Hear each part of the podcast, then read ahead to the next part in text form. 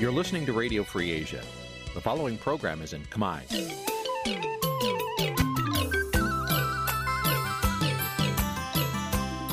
Nǐ chi càm bi tiệp xáy vệt chiu a zì sáy. នេះជាកម្មវិធីផ្សាយរបស់ Vithu Azisaray ជាភាសាខ្មែរ វត្តឈូអាស៊ីសេរីសូមស្វាគមន៍លោកអ្នកនាងទាំងអស់ពីរដ្ឋធានី Washington នៃសហរដ្ឋអាមេរិក បាទខ្ញុំបាទយ៉ងច័ន្ទដារា សូមជម្រាបសួរលោកអ្នកនាងអ្នកស្ដាប់វិទ្យុអាស៊ីសេរីទាំងអស់ជាទីមេត្រីខ្ញុំបាទសូមជូនកម្មវិធីផ្សាយសម្រាប់ព្រឹកថ្ងៃសុក្រ14កើតខែមិញឆ្នាំថោះបัญចស័កពុទ្ធសករាជ2567ត្រូវនឹងថ្ងៃទី23ខែកុម្ភៈគ្រិស្តសករាជ2024បាទជាដំបូងនេះសូមអញ្ជើញអស់លោកអ្នកនាងស្ដាប់ព័ត៌មានប្រចាំថ្ងៃដែលមានមេត្តាដូចតទៅ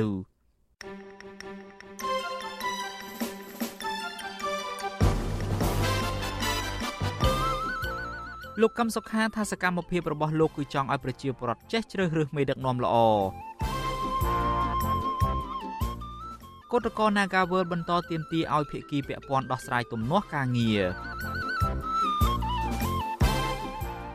កម្ពុជានឹងជំពាក់បំណុលចិនកាន់តែច្រើនលើកម្ចីហេដ្ឋារចនាសម្ព័ន្ធផ្លូវនិងស្ពានកសិករមួយចំនួនត្អូញត្អែពីតម្លៃកសិផលនៅតែធ្លាក់ចុះ រួមនឹងព័ត៌មានសំខាន់សំខាន់មួយចំនួនទៀត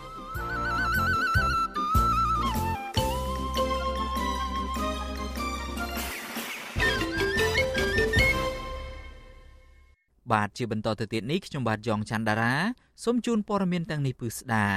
បលោកនាងជាទីមេត្រីប្រធានគណៈបកសង្គ្រោះជាតិលោកកឹមសុខាបានថ្លែងនៅក្នុងសវនាការកាលពីម្សិលមិញនេះថា រាល់សកម្មភាពនិងសាររបស់លោកកន្លងទៅគឺចង់ឃើញប្រជាពលរដ្ឋចេះជ្រើសរើសមេដឹកនាំ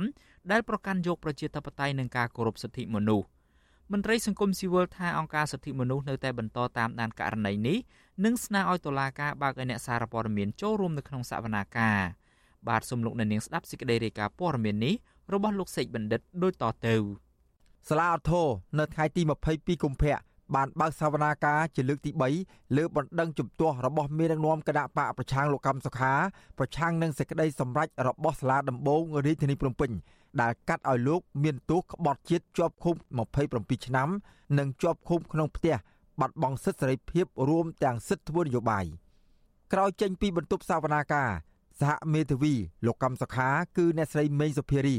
លើកឡើងថាសវនាការលើកនេះ មានចោតសួរទៅកាន់លោកកម្មសខាពីមូលហេតុដែលលោកចាក់ចេញពីប្រធានមជ្ឈមណ្ឌលសិទ្ធិមនុស្សកម្ពុជាតែដឹកនាំគណៈបកសិទ្ធិមនុស្សនិងការសម្រេចចិត្តរបស់លោកក្នុងការរួបរวมជាមួយលោកសំរងស៊ីដើម្បីបង្កើតគណៈបកសង្គ្រោះជាតិអ្នកស្រីមេងសុភារីថាអង្គសាវនាការក៏បានចោទសួរទៅកាន់លោកកម្មសខា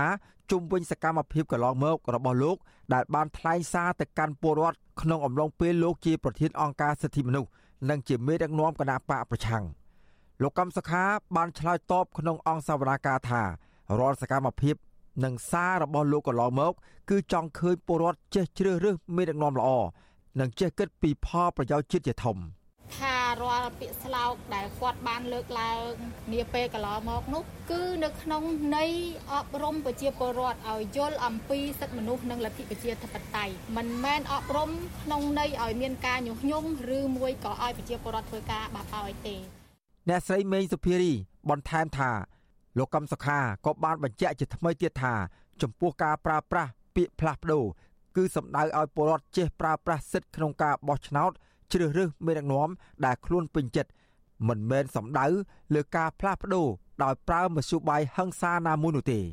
គឺថារដ្ឋបដកម្មដែលមានពីមុនមកគឺក្នុងគោលដៅនិងគោលបំណងដើម្បីស្វែងរកយុទ្ធធរជំវិញការបោះឆ្នោតតែប៉ុណ្ណោះហើយបន្ទាប់ពីស្វែងរកយុទ្ធធរជំវិញការបោះឆ្នោតហើយយើងឃើញថាមានការចរចារវាងគណៈបកសង្គ្រោះជាតិហើយនិងគណៈបកប្រជាជនរហូតដល់មានការ បង្កើតឲ្យមានយន្តការមួយគឺថាមានការទទួលស្គាល់ថានេះគឺជាការកែប្រែគឺជាការតវ៉ាដើម្បីសម្លឹកឆ្នោតឆ្លើយតបនឹងសំណួរអ្នកសារព័ត៌មានថាមានក្តីរំពឹងបែបណា ក្នុងការការពារក្តីលើសំណុំរឿងមេបកប្រឆាំងរូបនេះអ្នកស្រីមេសុភារីឆ្លើយថា អ្នកស្រីនិងសហមេធាវីនឹងព្យាយាមបង្ហាញភាពស្អាតស្អំរបស់លោកកម្មសុខាបើទោះបីជាការសម្រេចរបស់ចៅក្រមបែបណាក៏ដោយ។ ប្រធានក្រុមប្រឹក្សាជំនុំជម្រះលោកអឹមវណ្ណៈកំណត់ថ្ងៃទី7ខែមីនា ដើម្បីបន្តសវនាការលើកទី4ហើយលោកថាសំណុំរឿងនេះអាចនឹងបិទបញ្ចប់នៅពាក់កណ្ដាលឆ្នាំ2024នេះអ្នកនាំពាក្យសាលាធរភ្នំពេញលោកខុនលៀងម៉េង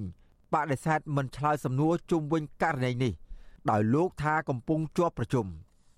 ដូចគ្នានឹងសវនាការកន្លងមកដែរមន្ត្រីអង្គការសហប្រជាជាតិមន្ត្រីស្ថានទូតសហភាពអឺរ៉ុប ស្ថានទូតអាមេរិកស្ថានទូតជប៉ុន និងអង្គការសិទ្ធិមនុស្សនានាក៏បានចូលរួមតាមដានលើករណីនេះដែរចំណែកនៅខាងក្រៅសាលាធរវិញ មានការដាក់ពង្រាយសមត្ថកិច្ចនិងដាក់របាំងដើម្បីរារាំងមិនឲ្យក្រុមមនុស្សមួយចំនួនឆ្លងកាត់សវនាការនេះក៏ហាមឃាត់មិនឲ្យអ្នកសារព័ត៌មានចូលរួមស្ដាប់ដោយលើកហេតុផលថាมันមានកន្លែងគ្រប់គ្រាន់នាយកទទួលបន្ទុកកិច្ចការទូតនៃអង្គការឃ្លាំមើលសិទ្ធិមនុស្សលីកាដូលោកអំសំអាត ដែលបានចូលរួមសវនាការមានប្រសាសន៍ថាសវនាការទាំងមូលហាក់សួរសំណួរដាក់បន្ទុកទៅលើលោកកម្មសខាទោះយ៉ាងណាលោកអំសំអាតថាអង្គការសង្គមស៊ីវិលនៅតែបន្តតាមដានដោយយកចិត្តទុកដាក់លើករណីនេះចំពោះការហាមឃាត់មិនឲ្យអ្នកសារព័ត៌មានចូលស្ដាប់សវនាការលោកអំសំអាត លើកឡើងថាបន្ទប់សវនាការនៅតែមានកន្លែងសម្រាប់អ្នកសារព័ត៌មានហើយតុលាការមិនគួរមានការរឹតបន្តឹងបែបនោះទេ គិតថាសាវនាការវាជាសាវនាការសាធារណៈអញ្ចឹងបើសិនជាមានការការអីទំនេរគួរតែមានការអនុញ្ញាតហើយជាពិសេសអ្នកសារព័ត៌មានក៏ដើរតួនាទីសំខាន់ណាស់នៅក្នុងការ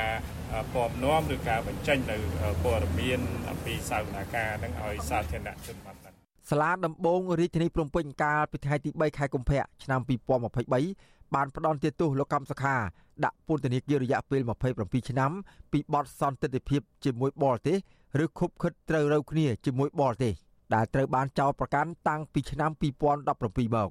តុលាការបានដាក់បំរាមមិនឲ្យលោកកម្មសខាធ្វើនយោបាយមិនឲ្យចេញពីផ្ទះមិនអនុញ្ញាតឲ្យជួបបរទេស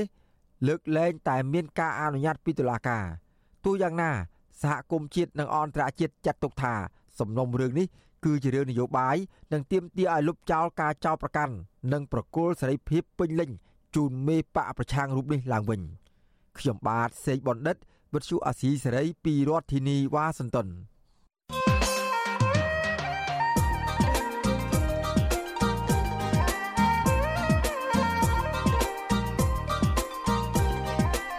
បាទលោកនេះទីមេត្រី សវនាការជំនុំជម្រះក្តីលោកកម្មសខានៅក្នុងតុលាការកាលពីថ្ងៃប្រហ័សទី22កុម្ភៈម្សិលមិញនេះគឺមានភាពចម្រូងចម្រាសច្រើនអ្នកអធិប្បាយពីបញ្ហានយោបាយនិងសង្គមលោកកុំសុកដែលធ្លាប់គ្រប់គ្រងលោកកម្មសខានោះបានរិះគន់ថាលោកកម្មសខាបង្ហាញពីភាពទន់ខ្សោយនៅក្នុងសវនាការលោកបញ្ជាក់ថាលោកកម្មសខាមិនហ៊ានឆ្លើយការពីដៃគូរបស់លោកគឺលោកសំរងស៊ីអំពីភាពសាសមប្រាប់ទៅតុលាការនោះទេបើជាឆ្លើយនៅក្នុងគោលដៅយកតែរួចខ្លួន ដោយផ្ដល់ចម្លើយលើកឧទាហរណ៍ប្រៀបធៀបដល់ប៉ុលពត និងស្នាដៃហិង្សារបស់ប៉ុលពតទៅវិញលោកកឹមសុខលើកឡើងថាបញ្ហានេះនឹងធ្វើឲ្យមេដឹកនាំបកប្រឆាំងរូបនេះធ្លាក់អដំភាពឬបាត់អិសរភាពជាមេដឹកនាំនយោបាយប្រជាធិបតេយ្យកម្ពុជាម្នាក់របស់ប្រទេសជាតិការបញ្ចេញប្រតិកម្មរបស់លោកកឹមសុខនេះនៅបន្ទាប់ពីសហមេធាវីការពារក្តីលោកកឹមសខា គឺអ្នកស្រីមេងសុធារីបានឆ្លើយប្រាប់អ្នកកសែតថា លោកកឹមសុខាបានឆ្លើយសំណួររបស់តុលាការដោយចោទសួរថាលោកសំរងស៊ីជាបុគ្គលហិង្សាហើយអ្វីបានជាលោកចង់សម្ព័ន្ធភាពជាមួយលោកសំរងស៊ីលោកកឹមសុខាឆ្លើយថាទោះបីជាប៉ុលពតក៏នៅតែមានអ្នកធ្វើការជាមួយដែរបាទសូមលោកនាងរងចាំទស្សនានីតិវិទ្យាអ្នកស្ដាប់វិទ្យុអស៊ីសេរីដែលនឹងជជែកអំពីបញ្ហានេះនៅយប់ថ្ងៃសុក្រទី23កុម្ភៈដែលនឹងជជែកអំពីបញ្ហានេះកុំបីខាន លោកនាងអាចបញ្ចេញមតិយោបល់ឬសួរសំណួរដោយដាក់លេខទូរស័ព្ទរបស់លោកនាង នៅក្នុងប្រអប់ក្នុង comment នៃការផ្សាយរបស់វិទ្យុអស៊ីសេរីនៅលើបណ្ដាញសង្គម Facebook YouTube Telegram ក្រុមការងាររបស់យើងនឹងហៅទៅលោកនាងវិញ បាទសូមអរគុណ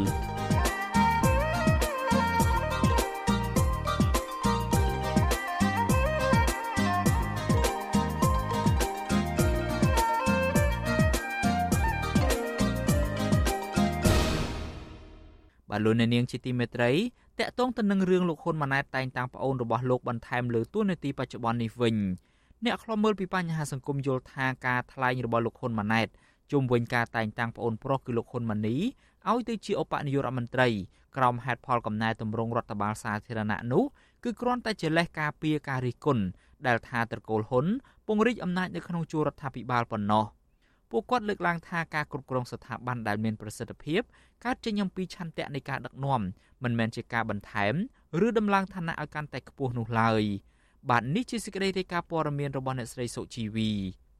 ក្រោយមានមតិរិះគន់ការតែងតាំងរដ្ឋមន្ត្រីក្រសួងមុខងារសាធារណៈលោកហ៊ុនម៉ាណីជាឧបនាយករដ្ឋមន្ត្រីលោកហ៊ុនម៉ាណែតនៅថ្ងៃទី22ខែកុម្ភៈ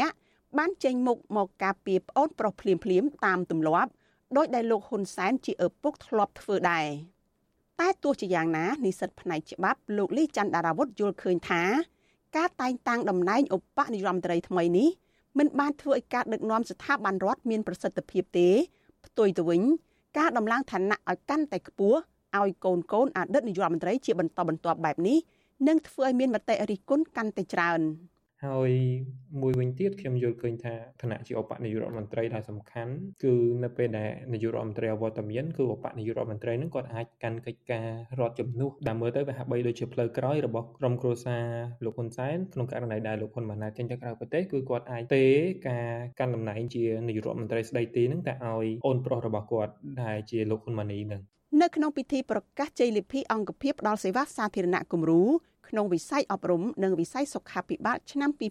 2023និងប្រកាសដាក់ឲ្យអនុវត្តសម្រាប់ឆ្នាំ2024នៅថ្ងៃទី22ខែកុម្ភៈលោករដ្ឋមន្ត្រីហ៊ុនម៉ាណែតបានតបទៅមតិរិះគន់ថាការដំឡើងឋានៈលោកហ៊ុនម៉ាណីគឺដើម្បីសម្រួលដល់ឋានៈនុក្រមការងារតែប៉ុណ្ណោះលោកអះអាងថាបើទោះបីជារដ្ឋមន្ត្រីក្រសួងមុខងារសាធារណៈមិនមែនជាសាច់ញាតិរបស់លោកក៏លោកនៅតែត្រូវដំឡើងដែរព្រោះក្រសួងមួយនេះ ទទួលការធ្វើកំណែតម្រង់ច្រើនជាងគេ គឺកំណែតម្រង់រដ្ឋបាលសាធារណៈ វាគ្រាន់តែរដ្ឋមន្ត្រីវិមានតកូលដូចខ្ញុំប៉ុន្តែតម្រូវការកំណែតម្រង់អតិភិបយើងត្រូវបង្កើនសិទ្ធិបង្កើនទួនាទីនិងទំគុណឲ្យធ្វើដើម្បីផលប្រយោជន៍ជាតិយើងតែមួយនៅក្នុងការដឹកនាំអនុវត្តនៅគម្រោងហេតុអីបានជាគណៈកម្មការខ្ញុំត្រូវបង្កើតគណៈកម្មការជាតិមួយទៀតដែលនាយករដ្ឋមន្ត្រីដឹកនាំផ្ទាល់ទៅលើការកំណែតម្រង់3មុខងារសាធារណៈកែតម្រង់អប់រំនិងសុខាភិបាលដោយសារ3នេះសំខាន់ លោកហ៊ុនម៉ាណែតឆ្លើយតបបែបនេះនៅក្រៅមានមតិរិះគន់ការតែងតាំងលោកហ៊ុនម៉ាណីឲ្យមានឋានៈជាឧបនាយករដ្ឋមន្ត្រីកាលពីថ្ងៃទី21ខែកុម្ភៈតាមសំណើរបស់លោកហ៊ុនម៉ាណែតកាលពីថ្ងៃទី15កុម្ភៈសប្តាហ៍មុនដែលស្នើរដ្ឋសភារៀបចំបោះឆ្នោតតែងតាំងនេះ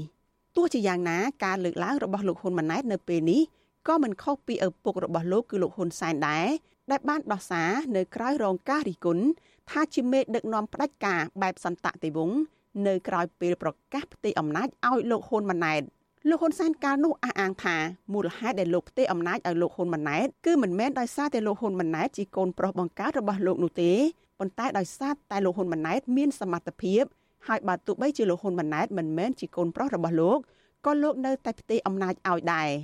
តែកទៅនឹងរឿងនេះអ្នកសិក្សាផ្នែកច្បាប់លោកវ៉ាន់ចាន់ឡូតយល់ឃើញថាការដំឡើងតំណែងរដ្ឋមន្ត្រីក្រសួងមុខងារសាធារណៈលោកហ៊ុនម៉ាណី ឲ្យទៅជាឧបនាយករដ្ឋមន្ត្រីដោយសំអាងលើហេតុផលធ្វើកំណែទម្រង់មុខងារសាធារណៈនេះគឺជារឿងមិនចាំបាច់នោះទេព្រោះត្រឹមមុខតំណែងជារដ្ឋមន្ត្រីរបស់លោកហ៊ុនម៉ាណីមានអំណាចគ្រប់គ្រាន់សម្រាប់ពង្រឹងប្រសិទ្ធភាពការងារនិងធ្វើកំណែទម្រង់មុខងារសាធារណៈរួចទៅហើយពីព្រោះអាទាំងអស់ហ្នឹងវាបង្កើតបានទៅជាទំនាស់ ភាពយឺតយ៉ាវនៅក្នុងការផ្ដល់សេវាសាធារណៈជូនចំពោះប្រជាពលរដ្ឋហើយវាក៏នៅឆ្លោះបញ្ចាំងអំពីសង្គមដែលដឹកនាំតាមបែបចាស់គំរិលហើយក៏មិនឆ្លោះបញ្ចាំងអំពីសង្គមដែលមាននៅសមភាពដែរទន្ទឹមនឹងការរិះគន់ថាត្រកូលហ៊ុនកំពុងពង្រីកអំណាចគ្រួសារក្នុងជួររដ្ឋាភិបាលមតិផ្សេងទៀតក៏បានលើកឡើងដែរថាលោកហ៊ុនម៉ាណីក៏មិនសមនឹងទទួលបានឋានៈនិងតួនាទីនេះដែរ ដោយសារតែលោកធ្លាប់មានរឿងអាស្រូវបែកធ្លាយពាក់ព័ន្ធនឹងការប្រើអំពើហិង្សាព្រមទាំងការបើកបរបំពានច្បាប់ចរាចរណ៍ជាច្រើនលើក ក្នុងពេលលោកមានតួនាទីជាតំណាងរាស្ត្រនាងខ្ញុំសុជីវីវិទ្យុអាស៊ីសេរីពីរដ្ឋធានី Washington អាស៊ីសេរីលោកអ្នកនាងកំពុងស្ដាប់ការផ្សាយរបស់វិទ្យុអាស៊ីសេរីពីរដ្ឋធានី Washington នៃសហរដ្ឋអាមេរិកលោកនាយរដ្ឋមន្ត្រីហ៊ុនម៉ាណែត បានឲ្យដឹងថាកម្ពុជា នៅតែមានផែនការកសាងស្ពានឆ្លងទន្លេធំធំ ស្ពានអាកាសនិងស្ពានខ្សែក្រវ៉ាត់ក្រុងជាច្រើនទៀតនៅពេលខាងមុខគម្រោងនឹងផែនការកសាងស្ពានដ៏ច្រើននេះភាគច្រើនគឺពឹងផ្អែកទៅលើកម្ចីពីប្រទេសចិនដែលធ្វើឲ្យមានការព្រួយបារម្ភថាកម្ពុជានឹងជំពាក់បំណុលចិនកាន់តែច្រើនឡើងបាទលោកអ្នកនាងនឹងបានស្ដាប់សេចក្តីរាយការណ៍នេះពឹស្ដានៅពេលបន្តិចទៀតនេះ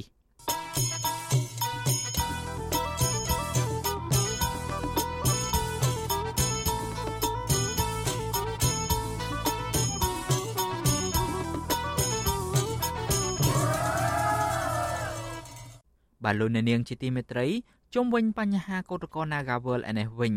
ក្រុមកោតក្រ Nagawal បន្តធ្វើកោតកម្មទាមទារឲ្យភាគីពាក់ព័ន្ធដោះស្រាយចំនួនការងារដែលអូសបន្លាយអស់រយៈពេលជាង2ឆ្នាំមកហើយនេះឲ្យបានឆាប់រហ័សមន្ត្រីសង្គមស៊ីវិលលើកឡើងថាការធ្វើកោតកម្មទាមទាររបស់កោតក្រ Nagawal នេះមិនត្រឹមតែជាការស្វែងរកយុត្តិធម៌ផ្ទាល់ខ្លួនប៉ុណ្ណោះទេក៏ប៉ុន្តែជានិមិត្តរូបលើកកម្ពស់ការគោរពច្បាប់ការងារផងដែរ បាទអ្នកស្រីម៉ៅសុធីនីរាយការណ៍អំពីរឿងនេះក្រុមកម្មករសហជីព Nagavel ប្រមាណ30នាក់បន្តធ្វើកតកម្មនៅខាងមុខអគារកាស៊ីណូ Nagavel ដើម្បីទាមទារឲ្យតកែកាស៊ីណូនិងភាគីពាក់ព័ន្ធផ្ដល់ដំណោះស្រាយការងារ ក្រុមកតកត Nagavel ចាប់ផ្ដើមធ្វើកតកម្មចាប់ពីម៉ោង2រសៀលដោយការលើកបណ្ដាវីស្កូផ្លុំត្រែ និងស្រ័យទាមទារឲ្យតកែកាស៊ីណូ Nagavel និងក្រសួងការងារផ្ដល់ដំណោះស្រាយដល់ឡើងប្រធានសហជីពរបស់ពួកយើងមកស្វែងសុំទីធ្វើឲ្យមាន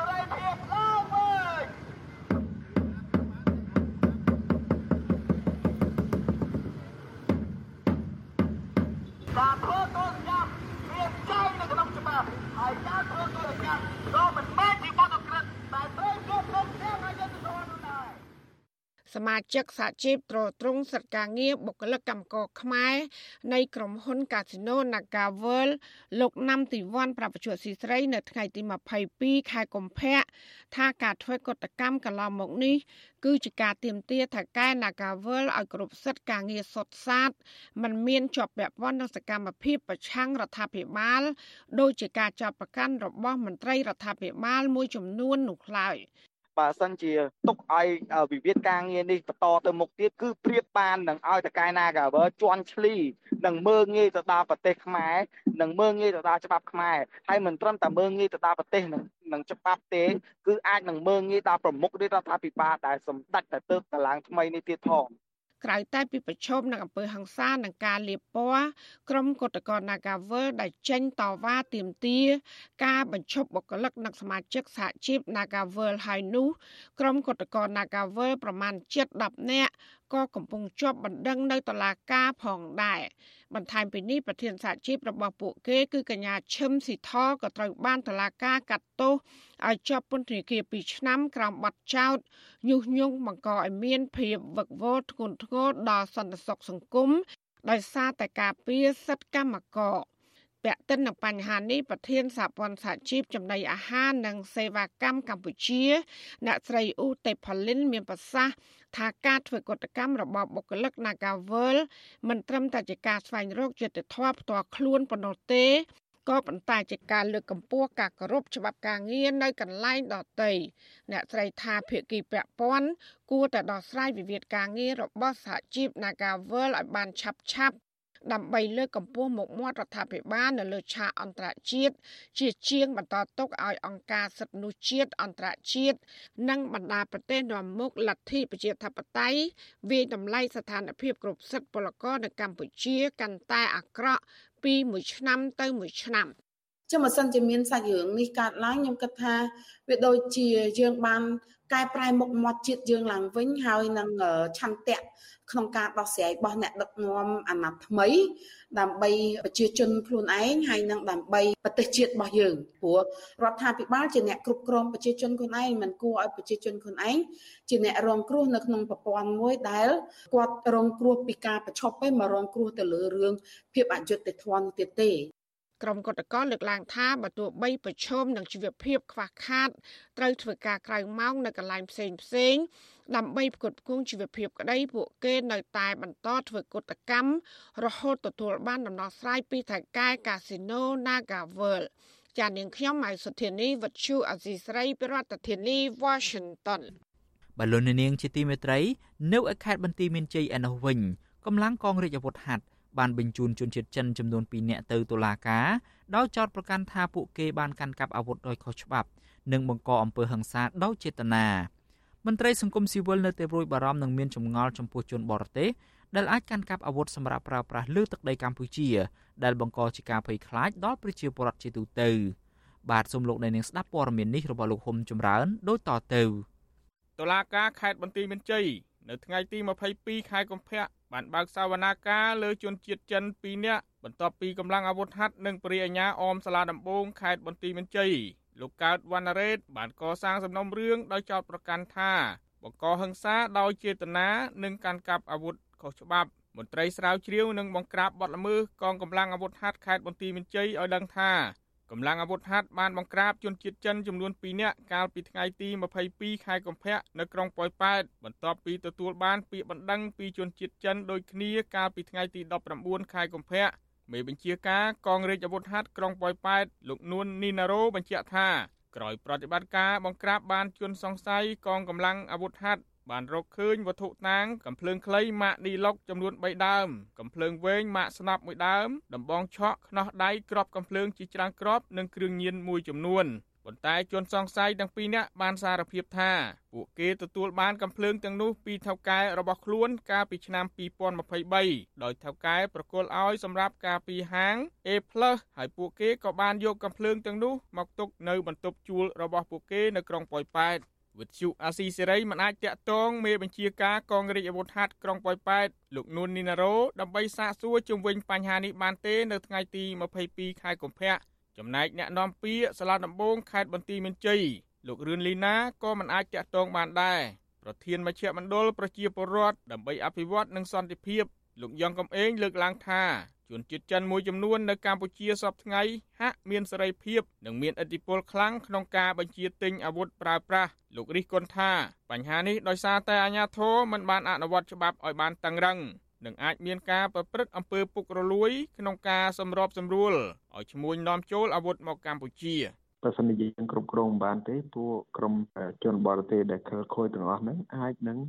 យកទឹកដីកម្ពុជាហ្នឹងទៅបកកអសន្តិសុខសម្រាប់ក្នុងស្រុក ហើយសម្រាប់អន្តរជាតិទៅទៀតបាទរឿងអស់ហ្នឹងដែលត្រូវគិតពីយុទ្ធសាស្ត្រវិញឆ្ងាយត្រូវបង្ការកុំឲ្យជនបរទេសហ្នឹងមកអាចធ្វើនៅទង្វើបែបនោះបានបាទបើបើចឹងទេគឺកម្ពុជានឹងរងគ្រោះជនបរទេសខិលខូចទាំងអស់ហ្នឹងហើយបាទលោកជំរុញឲ្យអាជ្ញាធរពាក់ព័ន្ធទប់ស្កាត់បញ្ហាជនបរទេសប្រើប្រាស់អាវុធខុសច្បាប់នៅកម្ពុជាឲ្យមានប្រសិទ្ធភាពព្រោះលោកថា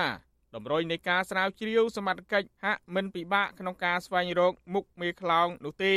ដោយសារតែអាវុធដែលសមត្ថកិច្ចរឹបអូសបានភ ieck ច្រើនសុទ្ធតែមានលេខសម្គាល់លោកបារម្ភចំពោះសេដ្ឋកិច្ចជាតិនិងការរស់នៅរបស់ប្រជាពលរដ្ឋថានឹងប្រឈមរងការប៉ះពាល់កាន់តែខ្លាំងប្រសិនបើជនបរទេសនៅតែអាចមានអាវុធប្រើប្រាស់បាញ់បោះដោយសេរីដែលធ្វើឲ្យភ្ញៀវអន្តរជាតិមិនហ៊ានចូលមកកំសាន្តនៅកម្ពុជាខ្ញុំបាទហុំចម្រើន វិទ្យុអាស៊ីសេរីពីរដ្ឋធានី Washington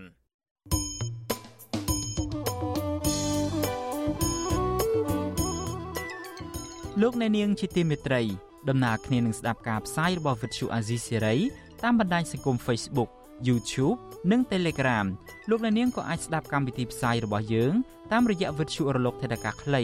ឬក៏ Shortwave បានដែរគឺតាមកម្រិតនិងកម្ពស់ដូចតទៅនេះពេលព្រឹកចាប់ពីម៉ោង5កន្លះដល់ម៉ោង6កន្លះតាមរយៈប៉ុស SW 93.90 MHz ស្មើនឹងកម្ពស់ 32m និងប៉ុស SW 11.85 MHz ស្មើនឹងកម្ពស់ 25m ពេលយប់ចាប់ពីម៉ោង7កន្លះដល់ម៉ោង8កន្លះតាមរយៈប៉ុស SW 93.90 MHz ស្មើនឹងកម្ពស់ 32m ប៉ុស SW 11.88 MHz ស្មើនឹងកម្ពស់ 25m និងប៉ុស SW 15.15 MHz ស្មើនឹងកម្ពស់ 20m បាទសូមអរគុណ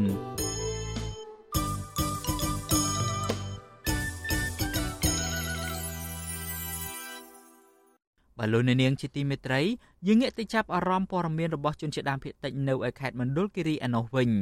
ជនជាតិដើមភាគតិចភ្នងចំនួនជាង100នាក់កាលពីថ្ងៃទី22ខែកុម្ភៈម្សិលមិញនេះបានប្រារព្ធពិធីសែនព្រេនដើម្បីបង្ហាញឆន្ទៈសាមគ្គីគ្នា ការពារព្រៃឈើនៅក្នុងសហគមន៍និងបួងសួងឲ្យអរិយអ្នកតាជួយការពារធនធានធម្មជាតិបន្សល់ទុកចុងក្រោយដែលនៅជាប់នឹងភូមិកំណើតរបស់ពួកគាត់ បាទសូមលោកអ្នកនាងស្ដាប់សេចក្តីរាយការណ៍ដាច់ដライមួយទៀតរបស់អ្នកស្រីសុជីវីដូចតទៅជនជាដើមភៀកតិចភ្នងជាង100នាក់នៅក្នុងចំណោមពលរដ្ឋជាង350គ្រួសាររស់នៅភូមិស្រែធំឃុំសុកសានស្រុកកោះញែកតែងធ្វើពិធីសែនអារក្សអ្នកតាព្រៃភ្នំដើម្បីរំលឹកវប្បធម៌ប្រពៃណីជនជាតិដើមភាគតិចភ្នងនិងបួងសួងថ្វាយដង្វាយដល់អារក្សអ្នកតាព្រៃភ្នំប្រធានសហគមន៍តំបន់ការពារធនធានធម្មជាតិស្រែធំលឹងលោកកើបថេន ប្រាប់វិទ្យុអាស៊ីសេរីថាអ្នកភូមិធ្វើពិធីសែនព្រេននៅក្នុងព្រៃសហគមន៍នៅចំណុចខ្ទមអ្នកតាដោយជួបជុំគ្នាបួងសួងឲ្យអារ្យអ្នកតាជួយការពារដីព្រៃសហគមន៍ដែលជាប្រភពប្រាក់ចំណូលនិងជាបណ្ដុំប្រតិបត្តិជំនឿវប្បធម៌របស់ជនជាតិដើមភាគតិច ថែរក្សាវប្បធម៌ប្រៃដំណមតិចតួចនៅក្នុងនឹងអញ្ចឹងគឺដូនតាគាត់ធ្លាប់រក្សាបំរុងទុកកូនចៅចំនួនក្រោយខាងគូលគោគូលក្បីអញ្ចឹងណាបងពូខាងខ្ញុំមិនចោលទេទៅវកមុខរបរនឹងអញ្ចឹងហើយយើងក៏បានសែនឧបកិច្ចក្រាបតាមទំនៀមទម្លាប់ប្រពៃណីពួកខ្ញុំហ្នឹងលោកថាកាលពីឆ្នាំ2018 2019បាត់ល្មើសព្រៃឈើនៅក្នុងតំបន់នោះកើតមានច្រើនក៏ប៉ុន្តែក្រោយមកប្រជាសហគមន៍បានសាមគ្គីគ្នារឹងមាំដាក់វេនគ្នាចុះល្បាត និងទប់ស្កាត់បទល្មើសព្រៃឈើធ្វើឲ្យព្រៃនៅក្នុងតំបន់អភិរក្សនេះនៅសល់ច្រើនក្នុងពិធីសែនព្រេនអ្នកភូមិបានយកដង្វាយរួមមានជ្រូកមួយក្បាល ស្រាពាងមាន់និងនំចំណីទៅរៀបចំនៅមុខខ្ទមអ្នកតារីឯសមាជិកសហគមន៍បានរៀបចំដុតធូបបន់ស្រន់សូមសេចក្តីសុខពីអរិយអ្នកតាព្រៃភ្នំដើម្បីកំណត់សម្គាល់ថាតំបន់នោះជាកន្លែងប្រតិបត្តិជំនឿវប្បធម៌ប្រពៃណីនិងប្រភពធនធានធម្មជាតិមានតម្លៃ ដែលពួកគាត់ចង់ការពារឲ្យគង់វង្សដល់កូនចៅចំនួនក្រោយចំណែកឯថវិកាសម្រាប់រៀបចំពិធីសែនព្រេននេះប្រជាសហគមន៍បានរៃអង្គាសប្រាក់នៅក្នុងភូមិហើយសមត្ថកិច្ចក្នុងមូលដ្ឋានក៏បានចូលរួមការពារសវត្ថិភាពនិងសន្តិសុខនៅក្នុងពិធីនេះដែរមេភូមិស្រែធំលោកមរឿញទាមានប្រសាសន៍ថា លោកគាំទ្រអ្នកភូមិដែលប្រារព្ធពិធីនេះដើម្បីរួមគ្នារក្សាការពារទំនៀមទម្លាប់ប្រពៃណី ដែលជាអត្តសញ្ញាណជនជាតិដើមភាគតិចលោកថាពលរដ្ឋនៅក្នុងភូមិស្រែធំជាង300គ្រួសារភាគច្រើនជាជនជាតិដើមភាគតិចភ្នងកំពុងរស់នៅនិងអាស្រ័យផលនឹងព្រៃឈើធ្វើចំការវិលជុំនិងខ្វៀលគោក្នុងតំបន់ព្រៃសហគមន៍ដែលពួកគាត់ការពារ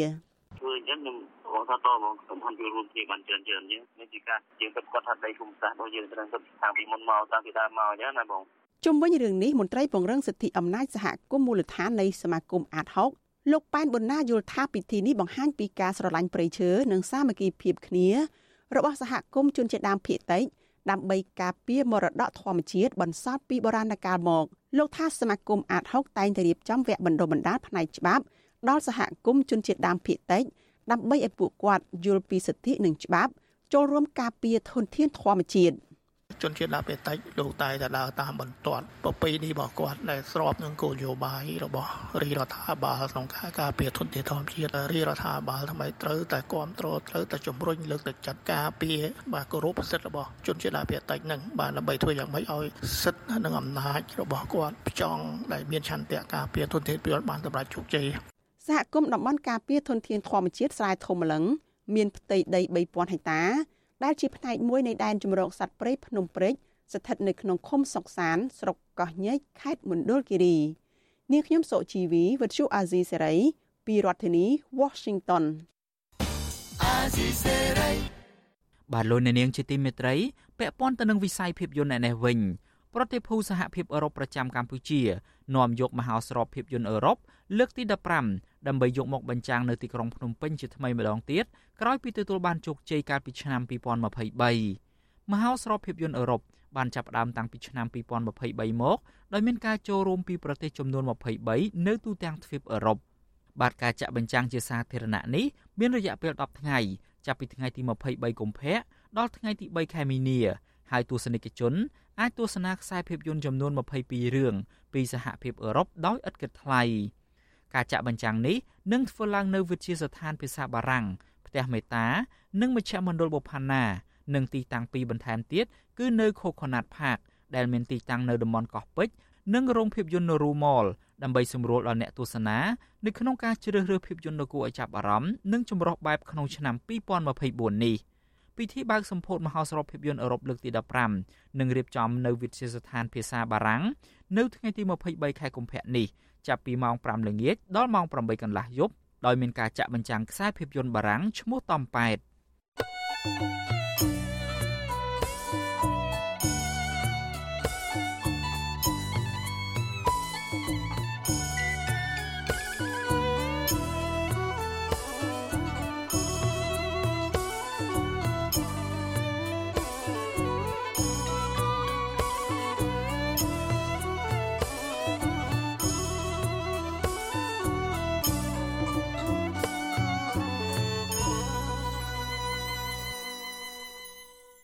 លោកអ្នកនាងកំពុងស្ដាប់ការផ្សាយរបស់វិទ្យុអាស៊ីសេរីពីរដ្ឋធានី Washington នៃសហរដ្ឋអាមេរិកលោកនាយរដ្ឋមន្ត្រីហ៊ុនម៉ាណែតបានឲ្យដឹងថាកម្ពុជា នៅតែមានផែនការកសាងស្ពានឆ្លងទន្លេធំធំ ស្ពានអាកាសនិងស្ពានខ្សែក្រវ៉ាត់ក្រុងជាច្រើនទៀតនៅពេលខាងមុខគម្រោងនឹងផែនការកសាងស្ពានដ៏ច្រើននេះភាគច្រើនគឺពឹងផ្អែកទៅលើកម្ចីពីប្រទេសចិនដែលធ្វើឲ្យមានការព្រួយបារម្ភថាកម្ពុជា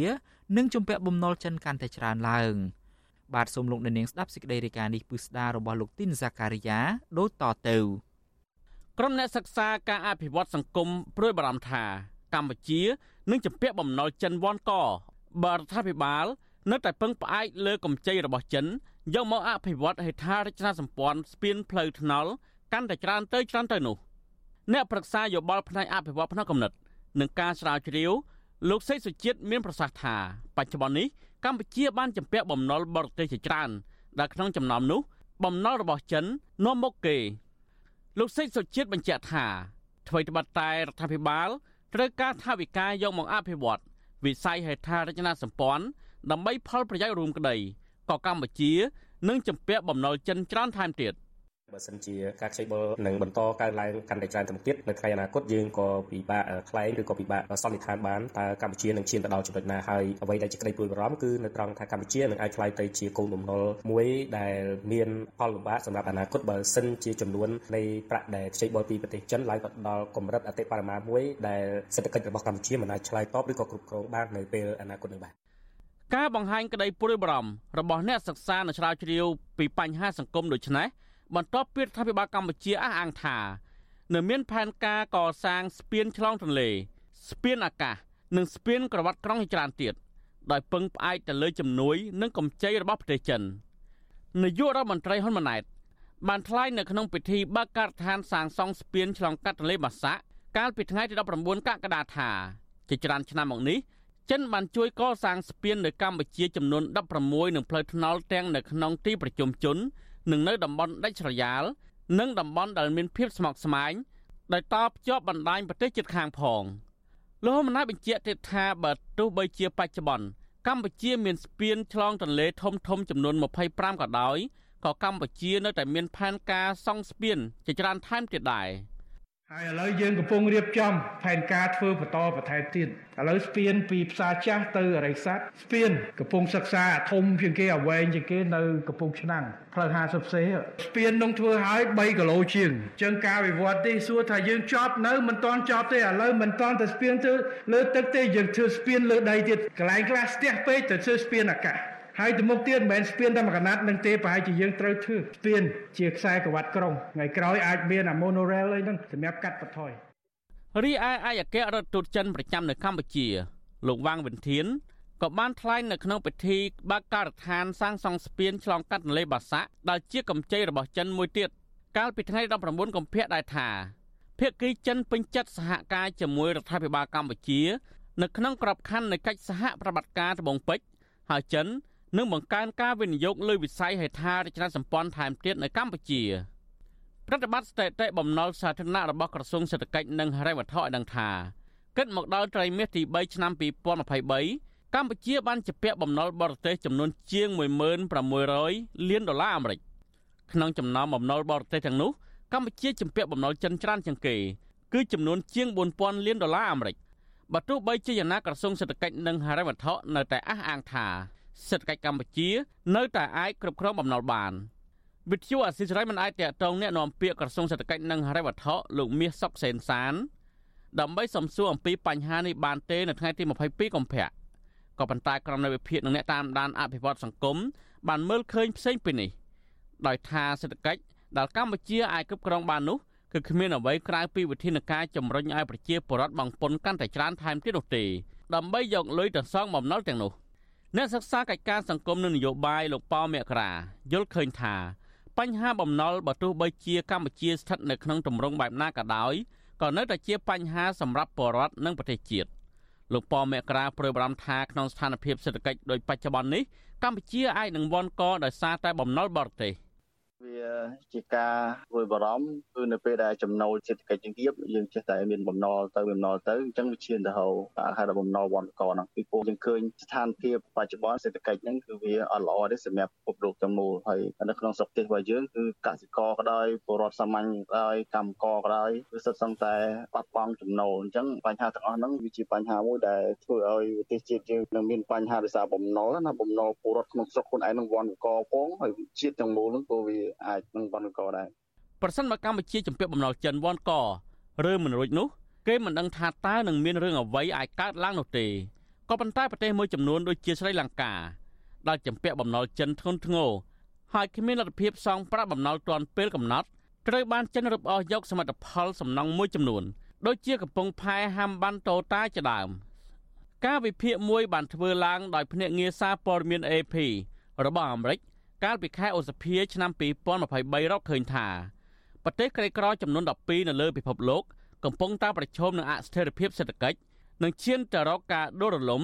ដោយសារតែជាប់បំណុលបរទេសខ្លាំងជាពិសេសជំពាក់បំណុលចិនកាន់តែធ្ងន់ធ្ងរជាងនេះទៅទៀតគម្រោងអភិវឌ្ឍជាច្រើនក្រោមកម្ចីនិងជំនួយរបស់ចិនដែលកំពុងតែអនុវត្តនៅក្នុងប្រទេសកម្ពុជាធ្វើឲ្យមានការព្រួយបារម្ភថាកម្ពុជាអាចផុងខ្លួនកាន់តែជ្រៅ ទៅក្នុងអន្ទាក់ភូមិសាស្ត្រនយោបាយរបស់ចិន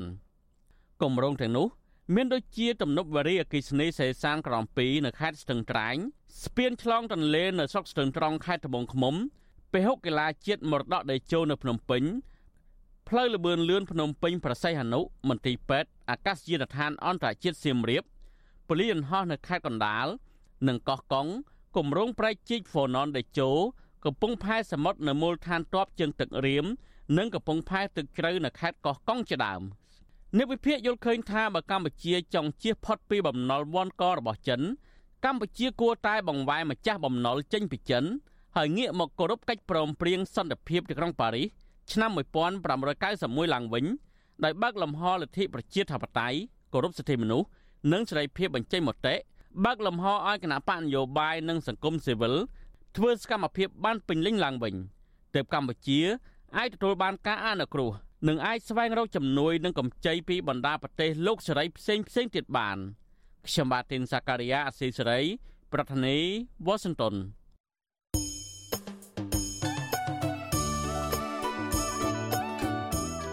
លោកអ្នកនាងជាទីមេត្រី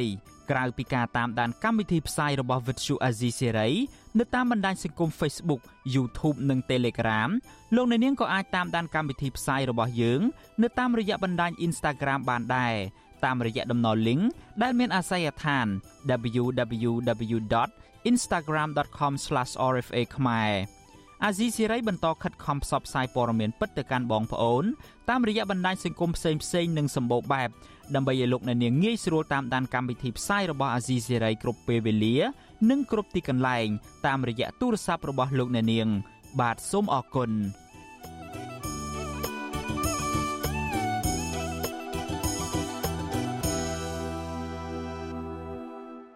បាទលោកអ្នកនាងជាទីមេត្រីពាក់ព័ន្ធទៅនឹងបញ្ហាជីវភាពរបស់ប្រជាកសិករឯនេះវិញប្រជាកសិករនិងអ្នកជំនាញខាងកសិកម្មត្អូញត្អែថា តម្លៃកសិផលនៅក្នុងស្រុកនៅតែគ្មានទីផ្សារនិងបន្តធ្លាក់ថ្លៃដែលនាំឲ្យប៉ះពាល់ដល់លទ្ធភាពនៃការបង្កបង្កើនផល និងជីវភាពរបស់ពួកគាត់កាន់តែខ្លាំង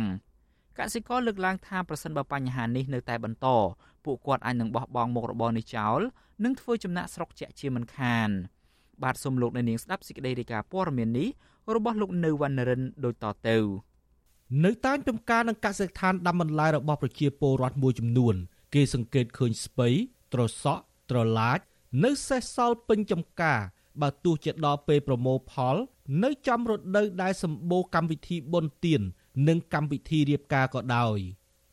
កសិករលើកឡើងថារដូវកាលកម្មវិធីនេះមិនមែនជាពេលដែលធ្វើឲ្យពួកគាត់អាចលក់ផលិតផលបានច្រើន និងមានតម្លៃនោះទេក៏ប៉ុន្តែជាឱកាសមាសរបស់ឈ្មួញអ្នកនាំចូលសាច់បង្កបន្លែ និងផ្លែឈើពីក្រៅស្រុកសម្រាប់ផ្គត់ផ្គង់កម្មវិធីទាំងនោះទៅវិញទេកសិករនៅក្នុងស្រុកសំឡូតខេត្តបាត់ដំបង លោកពុនរបាំងថ្លែងថានៅរដូវនេះ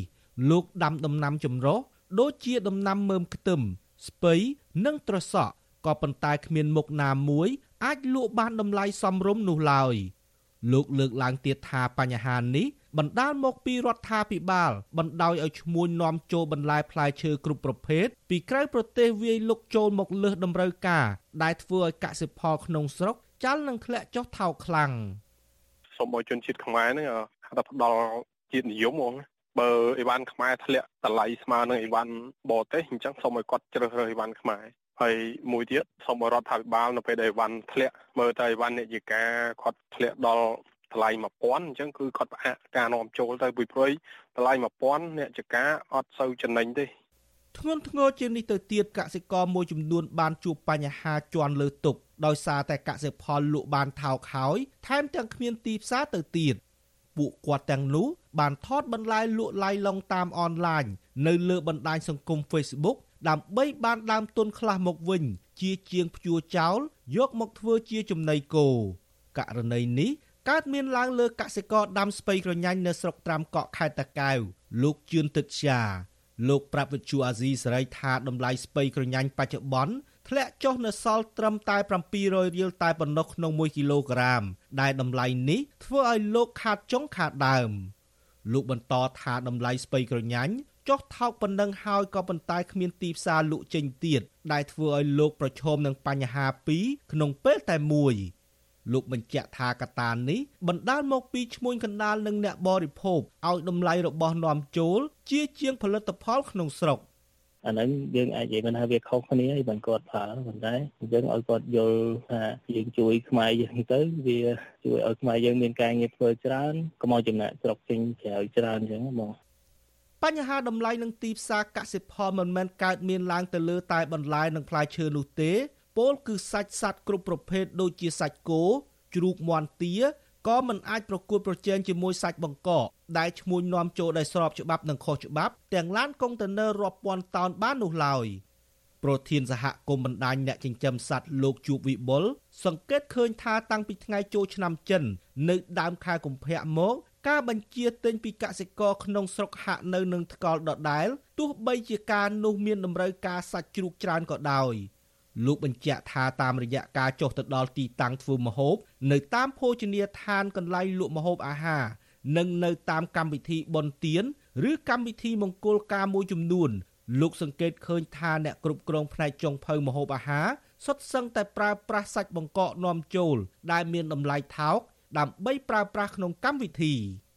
ដើម្បីអាចទប់ស្កាត់បទល្មើសបានមនុស្សស្រាណាតែអ្នកកាន់អំណាច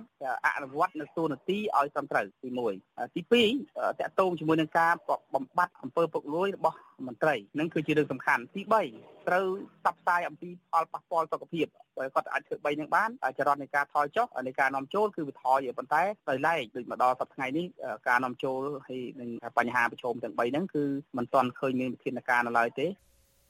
វិទ្យុអាស៊ីសេរីមិនអាចតាក់ទងអគ្គនាយកនៃអគ្គនាយកដ្ឋានកិច្ចការប្រកួតប្រជែងនិងបង្ក្រាបការក្លែងបន្លំហៅកាត់ថាកបប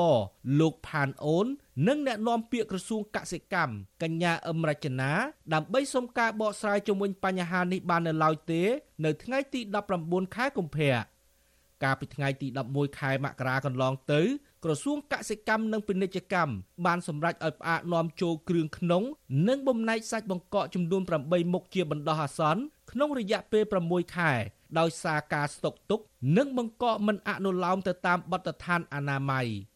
ទន្ទឹមនឹងនេះដែរលោកនាយករដ្ឋមន្ត្រីហ៊ុនម៉ាណែត នៅក្នុងពិធីបូកសរុបការងារក្រសួងកសិកម្មរុក្ខាប្រមាញ់និងនេសាទកាលពីថ្ងៃទី30មករាក៏បានជំរុញឲ្យមន្ត្រីពាក់ព័ន្ធរៀបចំប្រព័ន្ធបង្កកគ្រឿងក្នុងសាច់សត្វក្នុងពេលដែលកម្ពុជាហាមឃាត់ការនាំចូលគ្រឿងក្នុង និងបំណែកមួយចំនួនរបស់សត្វផងដែរ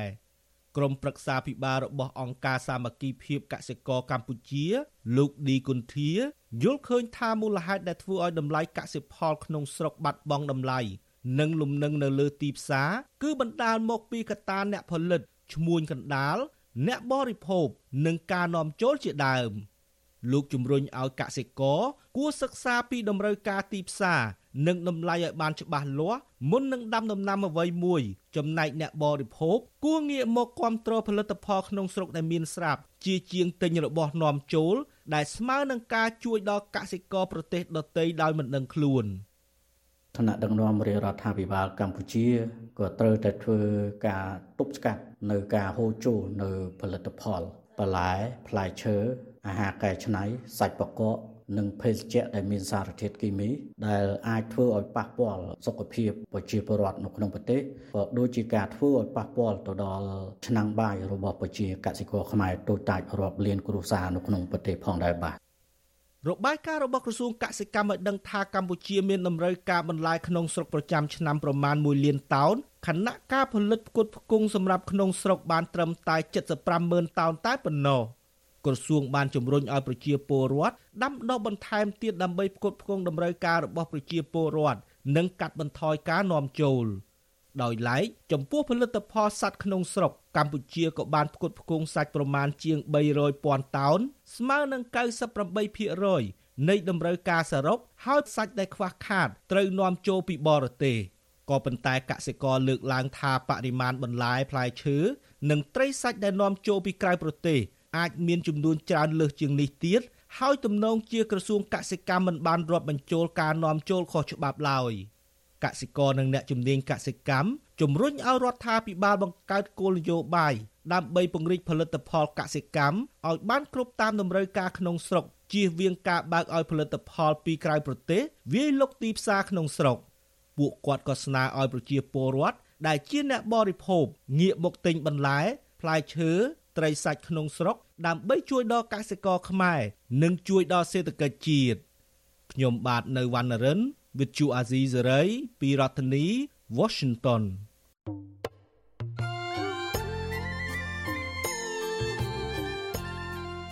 លោកអ្នកនាងជាទីមេត្រី នៅក្នុងឱកាសនេះដែរខ្ញុំបាទសូមថ្លែងអំណរគុណដល់លោកអ្នកនាងកញ្ញាទាំងអស់ដែលតែងតែមានភក្ដីភាពចំពោះការផ្សាយរបស់យើងហើយចាត់ទុកការស្ដាប់វិទ្យុអាស៊ីសេរីគឺជាផ្នែកមួយនៃសកម្មភាពប្រចាំថ្ងៃរបស់លោកអ្នកនាង គឺការគ្រប់គ្រងរបស់លោកអ្នកនាងនេះហើយដែលធ្វើឲ្យយើងខ្ញុំមានទឹកចិត្តកាន់តែខ្លាំងក្លាថែមទៀតនៅក្នុងការស្វែងរកនិងផ្តល់ព័ត៌មានជូនលោកអ្នកនាងមានអ្នកស្ដាប់អ្នកទស្សនាកាន់តែច្រើនកាន់តែធ្វើឲ្យយើងខ្ញុំមានភាពស្វាហាប់មោះមុតជាបន្តទៅទៀតយើងខ្ញុំសូមអរគុណទុកជាមុនហើយសូមអញ្ជើញលោកអ្នកនាងកញ្ញាទាំងអស់ចូលរួមជំរុញឲ្យសកម្មភាពផ្តល់ព័ត៌មានយើងនេះកាន់តែជោគជ័យបន្ថែមទៀត។លោកអ្នកនាងអាចជួយយើងខ្ញុំបានដោយគ្រាន់តែចុចចែករំលែកឬមួយក៏ Share ការផ្សាយរបស់យើង នៅលើបណ្ដាញសង្គម Facebook និង YouTube ទៅកាន់មិត្តភ័ក្តិដើម្បីឲ្យការផ្សាយរបស់យើងបានទៅដល់មនុស្សកាន់តែច្រើន បាទសូមអរគុណ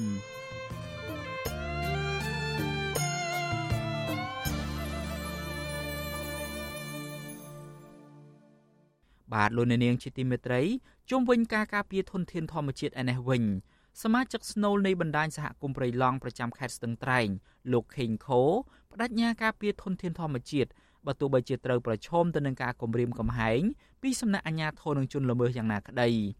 ដោយសារតែការមើលឃើញពីឧក្រិដ្ឋកម្មអាឈើក្រោមកណ្ដាប់ដៃរបស់អ្នកមានលុយមានអំណាចនិងការស្អប់ខ្ពើមអំពើអយុត្តិធម៌នៅក្នុងសង្គមបានជំរុញទឹកចិត្តឲ្យលោកខេងខូប្រើជីវិតចុងក្រោយរបស់លោកដើម្បីការពារធនធានធម្មជាតិនិងផ្ដល់គំរូភាពសម្រាប់មនុស្សជំនាន់ក្រោយ។តើលោកខេងខូមានប្រវត្តិបែបណា និងបានធ្វើកិច្ចការងារអ្វីខ្លះដើម្បីការពារព្រៃឈើនោះ បាទសូមលោកអ្នកនាងស្ដាប់សេចក្តីរាយការណ៍នេះរបស់លោកមានរិទ្ធដូចតទៅការចូលរួមការពារព្រៃឈើនៅកម្ពុជាត្រូវគេចាត់ទុកថាជាបេសកកម្មមួយងាយគ្រោះថ្នាក់ដល់អាយុជីវិតឬងាយប្រឈមនឹងបញ្ហាផ្លូវច្បាប់ទោះជាយ៉ាងនេះក្តីមនុស្សមួយចំនួននៅតែស្ម័គ្រចិត្តហ៊ានយកជីវិតរបស់ពួកគេទៅផ្សារភ្ជាប់នឹងបេសកកម្មដ៏គ្រោះថ្នាក់នេះដើម្បីការពារព្រៃឈើដែលកំពុងប្រឈមទៅនឹងការហិនហោចដោយសារតែការកាប់បំផ្លាញពីសំណាក់ជនល្មើស អ្នកសម្របសម្រួលបណ្ដាញព្រៃឡង់ប្រចាំខេត្តស្ទឹងត្រែងលោកខេងខូបានលះបង់កម្លាំងកាយកម្លាំងចិត្តអស់រយៈពេលជាមួយទសវត្សរ៍ក្នុងការចូលរួមការពារធនធានធម្មជាតិនៅកម្ពុជាដោយស្ម័គ្រចិត្តព្រោះលោកស្អប់ខ្ពើមអំពើពុករលួយ ការរំលោភបំពានរបស់អ្នកមានលុយមានអំណាចមកលើពលរដ្ឋស្លូតត្រង់ជាពិសេសធនធានធម្មជាតិមានដើមកំណើតជាជនជាតិដើមភាគតិចគួយ លោកខេងខូ បានសម្រេចចូលរួមការពារព្រៃឡង់ចាប់តាំងពីឆ្នាំ2013រហូតមកទល់បច្ចុប្បន្នលោកមើលឃើញថាព្រៃឈើនៅទូទាំងប្រទេសកម្ពុជា បន្តហិនហោចកាន់តែខ្លាំងទៅខ្លាំងទៅ ចំណែកឯអ្នកការពារបែរជារងនៅអំពើអយុត្តិធម៌អ្នកខ្លះបាត់បង់ជីវិតហើយខ្លះទៀតជាប់ពន្ធនាគារឬរងពាក្យបណ្ដឹងក្តីក្តាំនៅតុលាការជាដើមទោះជាបែបនេះក្តី បញ្ហាទាំងនេះពុំអាចជារនាំងហាមឃាត់បរិះវ័យ51ឆ្នាំរូបនេះឲ្យភ័យខ្លាចឬបញ្ឈប់ឆន្ទៈការពារព្រៃឈើឡើយផ្ទុយទៅវិញការនេះកាន់តែជំរុញឲ្យលោកខេងខូប្រឹងប្រែងជាបន្តទៅទៀតលោកបានត្រៀមខ្លួនរួចហើយថាប្រសិនបើថ្ងៃណាមួយលោកប្រឈមជាប់ពន្ធនាគារឬក៏ស្លាប់ក្នុងបេសកកម្មដ៏ធំមួយនេះក៏លោកមិនស្ដាយក្រោយព្រោះថាអ្វីដែលលោកកំពុងធ្វើនេះគឺស្របទៅតាមរដ្ឋធម្មនុញ្ញនិងប្រយោជន៍ជាតិជាធំ គិតរបស់ខ្ញុំដែលខ្ញុំឆ្លាញ់ទុនធានធម្មជាតិមិនចង់ឲ្យមានការបាត់បង់ព្រៃឈើនៅប្រទេសខ្មែរយើងស្រុកខ្មែរយើងចង់ឲ្យមានគង់វង្សពេលមុនយើងវាធ្លាប់បាត់អីទៅហើយប៉ុន្តែសល់បណ្ណាក៏យើងការពារវាទៅមើលទៅដើម្បីឲ្យវាសល់បើកាលណាដែលសល់សល់ហើយបើយើងមិនជួយរួមការពារវាកាន់តែបាត់បង់ថែមទៅទៀតតទៅទៀតអញ្ចឹងបានខ្ញុំចូលរួមទឹកចិត្តខ្ញុំដែលខ្ញុំចង់ចូលរួមមានសម្បុរខ្មៅស្រអែមលោកខេងខូតែងចុះល្បាតព្រៃជាមួយសមាជិកព្រៃឡង់ពី2ទៅ3លើកក្នុងមួយខែ លោកចុះល្បានម្ដងម្ដងក្រុមរបស់លោកតែងតែចេញរបាយការណ៍រកឃើញពីបទល្មើសអាឈើនិងខ្វាត់ខ្លួនជនល្មើសជាញឹកញាប់ចំណែកអាជ្ញាធរពុំដែលសប្បាយចិត្តនោះទេហើយចោទពួកលោកថាជាក្រុមប្រឆាំងឬជាក្រុមក្រៅច្បាប់ជាដើមអំឡុងពេលចុះល្បាតរាល់លើកពួកលោកប្រឈមទៅនឹងការគំរាមកំហែងដល់អាយុជីវិតហើយពេលខ្លះទៀតប៉ះពាល់ពាក្យសម្ដីគ្នារហូតប្រើអំពើហិង្សារវាងជនល្មើសនិងសមាជិកបណ្ដាញប្រៃឡង់។ ជនល្មើសភៀកច្រើនមានកំភ្លើងកែច្នៃគំរាមបាញ់ពួកលោកប្រសិនបើពួកលោកហ៊ានដកហូតសម្ភារៈរបស់ពួកគេ ដូចជាគូយន្តនិងរណាអាឈើជាដើម មើលវិចិត្រដែលមានកម្រិតកំហែងដូចជាមានភ្លើងកាយឆាយនៅក្នុងមន្តពេលឡើងច្រើនយើងមានការគិតគូរច្រើនទាក់ទងនឹងហានិភ័យពេលយើងចង់ល្បាតយើងសម្រាប់យប់លុបអីចង្កលមានលឺស្នូកំភ្លើងបាញ់ពេលនោះដែលយើងគូឲ្យពុយបារម្ភហើយពួកខ្ញុំចាំតែមានចាត់កម្លាំងដើម្បីយាមពេលយប់ផ្លាវេនគ្នាម្ដងម្ដងរហូតដល់ភ្លឺទៅបាទនឹងធ្វើដំណើរទៀតទៅមានស្រុកកំណើតនៅភូមិកាំងចាមឃុំកាំងចាមស្រុកថ្លាបរវត្ត លោកខេងខូមានប្រពន្ធជាជនជាតិភៀតតៃកាត់ឡាវនិងមានកូនចំនួន3នាក់ក្នុងនោះពួកគេពីរនាក់មានគ្រួសាររីឯម្នាក់ទៀតកំពុងសិក្សានៅថ្នាក់ទី12ចំណែកឪពុកនិងម្ដាយរបស់លោកបានស្លាប់កាលពីឆ្នាំ2008និងឆ្នាំ2023ដោយជំងឺចាស់ជរាក្រៅពីកិច្ចការការពារព្រៃឈើលោកខេងខូមានដីស្រែចម្ការតិចតួចសម្រាប់ដាំដំណាំដំឡូងស្វាយចន្ទី និងចិញ្ចឹមគោលក់ដើម្បីដោះស្រាយជីវភាព ប្រពន្ធលោកខេងខូគឺលោកស្រីលៀងឡុងលើកឡើងថាពេលខ្លះលោកស្រីបារម្ភពីសុវត្ថិភាពប្តីនៅពេលចុះល្បាតព្រៃម្ដងម្ដងហើយតែងតែអន់ចិត្តនៅពេលឮអ្នកដតីប្រមាថមើងងាយដោយប្រយោលមកលើប្តីលោកស្រីក៏ប៉ុន្តែលោកស្រីពុំដែលហាមឃាត់ប្តីឲ្យបោះបង់សកម្មភាពការពារធនធានធម្មជាតិម្ដងណាឡើយគឺមានតែលើកទឹកចិត្តទៅវិញទេលោកស្រីរំភើបចិត្តនិងមានមោទនភាពនៅពេលដែលប្តីលោកស្រីបានចូលរួមយ៉ាងសកម្ម ដើម្បីការពារព្រៃឈើដែលជាសម្បត្តិរួមហើយកន្លងទៅលោកស្រីក៏បានចូលរួមល្បាតព្រៃជាមួយប្តីច្រើនដងផងដែរបារម្ភដែរលោកគ្រូចាប៉ុន្តែធ្វើម៉េចបើមុខរកការឆ្លាញ់ទុនធានធម្មជាតិខ្ញុំគិតថាការពារទៅចាចេះស្ម័គ្រចិត្តធ្វើទៅតែមិនថាគាត់មិនថាខ្ញុំទេខ្ញុំក៏ឆ្លាញ់ទុនធានធម្មជាតិដូចគ្នាខ្ញុំក៏ចង់ដល់ដូចគ្នាចាប៉ុន្តែអារម្មណ៍អារម្មណ៍ចេះតែអារម្មណ៍ទេទោះរៀនសូត្របានត្រឹមថ្នាក់ទី7ក្តីលោកខេងខូអាចអានអក្សរនិងសរសេរអក្សរខ្មែរបានយ៉ាងល្អ លោកមានចរិត slow boat ចូលចិត្តនិយាយបែបកំ pl ែងជារៀងរាល់ឆ្នាំ មានយុវជនមកពីរាជធានីភ្នំពេញនិងបណ្ដាខេត្តផ្សេងផ្សេងចុះកម្មសិក្សាស្នាក់នៅក្នុងផ្ទះរបស់លោកហើយពួកគេចូលចិត្តស្ដាប់លោកចែករំលែកចំណេះដឹងនិងបទពិសោធន៍នៅពេលនិយាយភាកច្រើនលោកតែងតែលើកយកមេត្រាច្បាប់ដោយសារតែលោកមានចំណេះដឹងសមល្មមពាក់ព័ន្ធនឹងសិទ្ធិបុរដ្ឋនិងច្បាប់ការពារធនធានធម្មជាតិទាក់ទងនឹងរឿងនេះ មន្ត្រីសម្របសម្រួលនៃសមាគមបណ្ដាញយុវជនកម្ពុជាហៅកាត់ថា CYN លោកអូតឡាទីនដែលតែងតែធ្វើការងារនឹងចុះល្បាតព្រៃជាមួយលោកខេងខូប្រាប់វិសុវស៊ីស្រីថាលោកខេងខូគឺជាមនុស្សដែលពូកែដឹកនាំសមាជិកក្រុមប្រចាំខេត្តស្ទឹងត្រែងហើយមានបទពិសោធន៍ច្រើនជាក់ស្ដែងនៅរយៈពេល3ទៅ4ឆ្នាំចុងក្រោយនេះលោកបានចូលរួមដាក់ពាក្យបណ្ដឹងប្រឆាំងនឹងបទល្មើសអាឈើនិងការកាប់ទន្ទ្រានដីព្រៃខុសច្បាប់ជាញឹកញាប់ ដែលធ្វើឲ្យអាជ្ញាធរមូលដ្ឋានហាក់ខ្លាចរអាហើយមន្ត្រីទាំងនោះពុំសូវហ៊ានប្រព្រឹត្តអំពើពុករលួយជាមួយជនល្មើសដោយលើកមុនមុនទៀតនោះទេ ចាត់ទុកថាគាត់គឺជាធនធានមនុស្សកម្រិតសហគមន៍មួយដែលដែលមិនងាយរកបានទេមិនត្រឹមតែជាបង្គោលជាចំហនៅក្នុងការបណ្ដោះបណ្ដាលយុវជននិងសមាជិកបណ្ដាញទេគាត់ក៏ជាមនុស្សដែលមានភាពក្លាហានហើយទទួលបានការបណ្ដោះបណ្ដាលរហូតបានគាត់ខ្លាយទៅជាមនុស្សម្នាក់ដែលមានភាពក្លាហានពេញលេញចេះ វែកញែកអំពីរឿងច្បាប់រឿងសិទ្ធិនៅក្នុងការរស់រានរបស់ពួកគាត់ណាណាជាពិសេសសិទ្ធិនៅក្នុងការចូលរួមទៀមទារយុទ្ធធរឲ្យធនធានធម្មជាតិទៀមទារយុទ្ធធរឲ្យពីឡងណាសម្រាប់លោក Kenko លោកមានក្តីស្រមៃចង់ឃើញកម្ពុជា បញ្ឈប់ការអាឈើនិងការកាប់ទន្ទ្រានដីព្រៃអភិរក្សនៅទូទាំងប្រទេសលោកស្នើឲ្យអាជ្ញាធរពាក់ព័ន្ធបើកលំហសិទ្ធិសេរីភាពដល់សមាជិកបណ្ដាញការពារព្រៃឡង់ទាំង4ខេត្ត រួមមានខេត្តព្រះវិហារកំពង់ធំ ក្រចេះនិងខេត្តស្ទឹងត្រែងព្រមទាំងអនុញ្ញាតឲ្យមន្ត្រីសង្គមស៊ីវិលនិងក្រមយុវជន អាចចុះល្បាតព្រៃការពារព្រៃឈើដោយសេរីឡើងវិញលោកថាការចូលរួមការពារព្រៃឈើនិងធនធានធម្មជាតិពីភាគីពាក់ព័ន្ធពិតជាចូលរួមចំណែកយ៉ាងសំខាន់ក្នុងការទប់ស្កាត់បទល្មើសអាឈើការកាប់ទន្ទ្រានដីព្រៃនិងបទល្មើសបរបាញ់សត្វខុសច្បាប់ប្រកបដោយប្រសិទ្ធភាពខ្ញុំបានមេរិត Visual Asia ស្រីពីរដ្ឋធានី Washington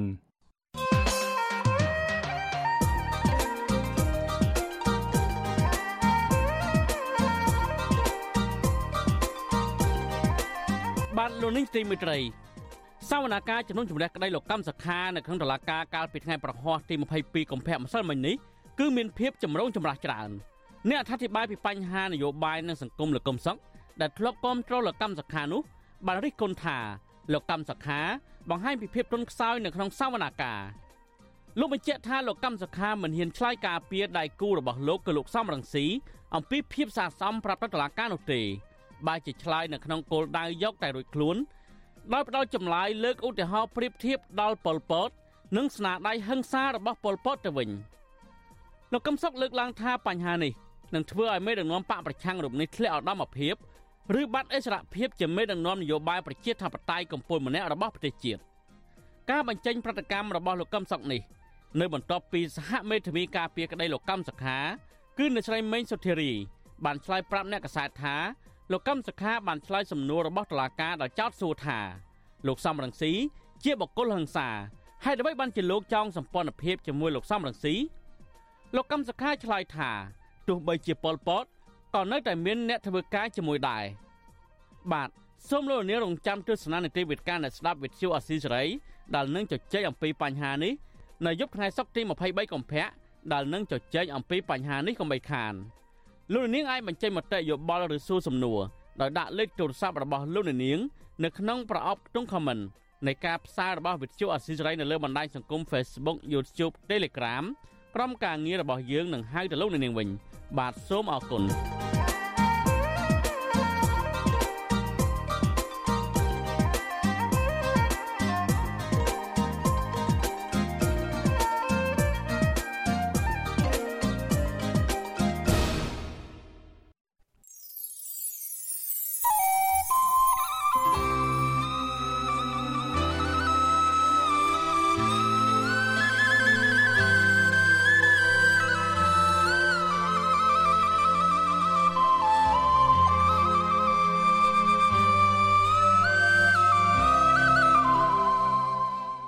លោកអ្នកនាងជាទីមេត្រី ការផ្សាយរយៈពេល1ម៉ោងរបស់វិទ្យុអាស៊ីសេរីនៅព្រឹកនេះចប់ត្រឹមតែប៉ុណ្ណេះ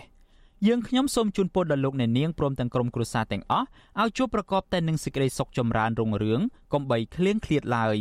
ខ្ញុំបាទយ៉ងច័ន្ទដារាព្រមទាំងក្រុមការងារទាំងអស់នៃវិទ្យុអាស៊ីសេរីសូមអរគុណនិងសូមជម្រាបលា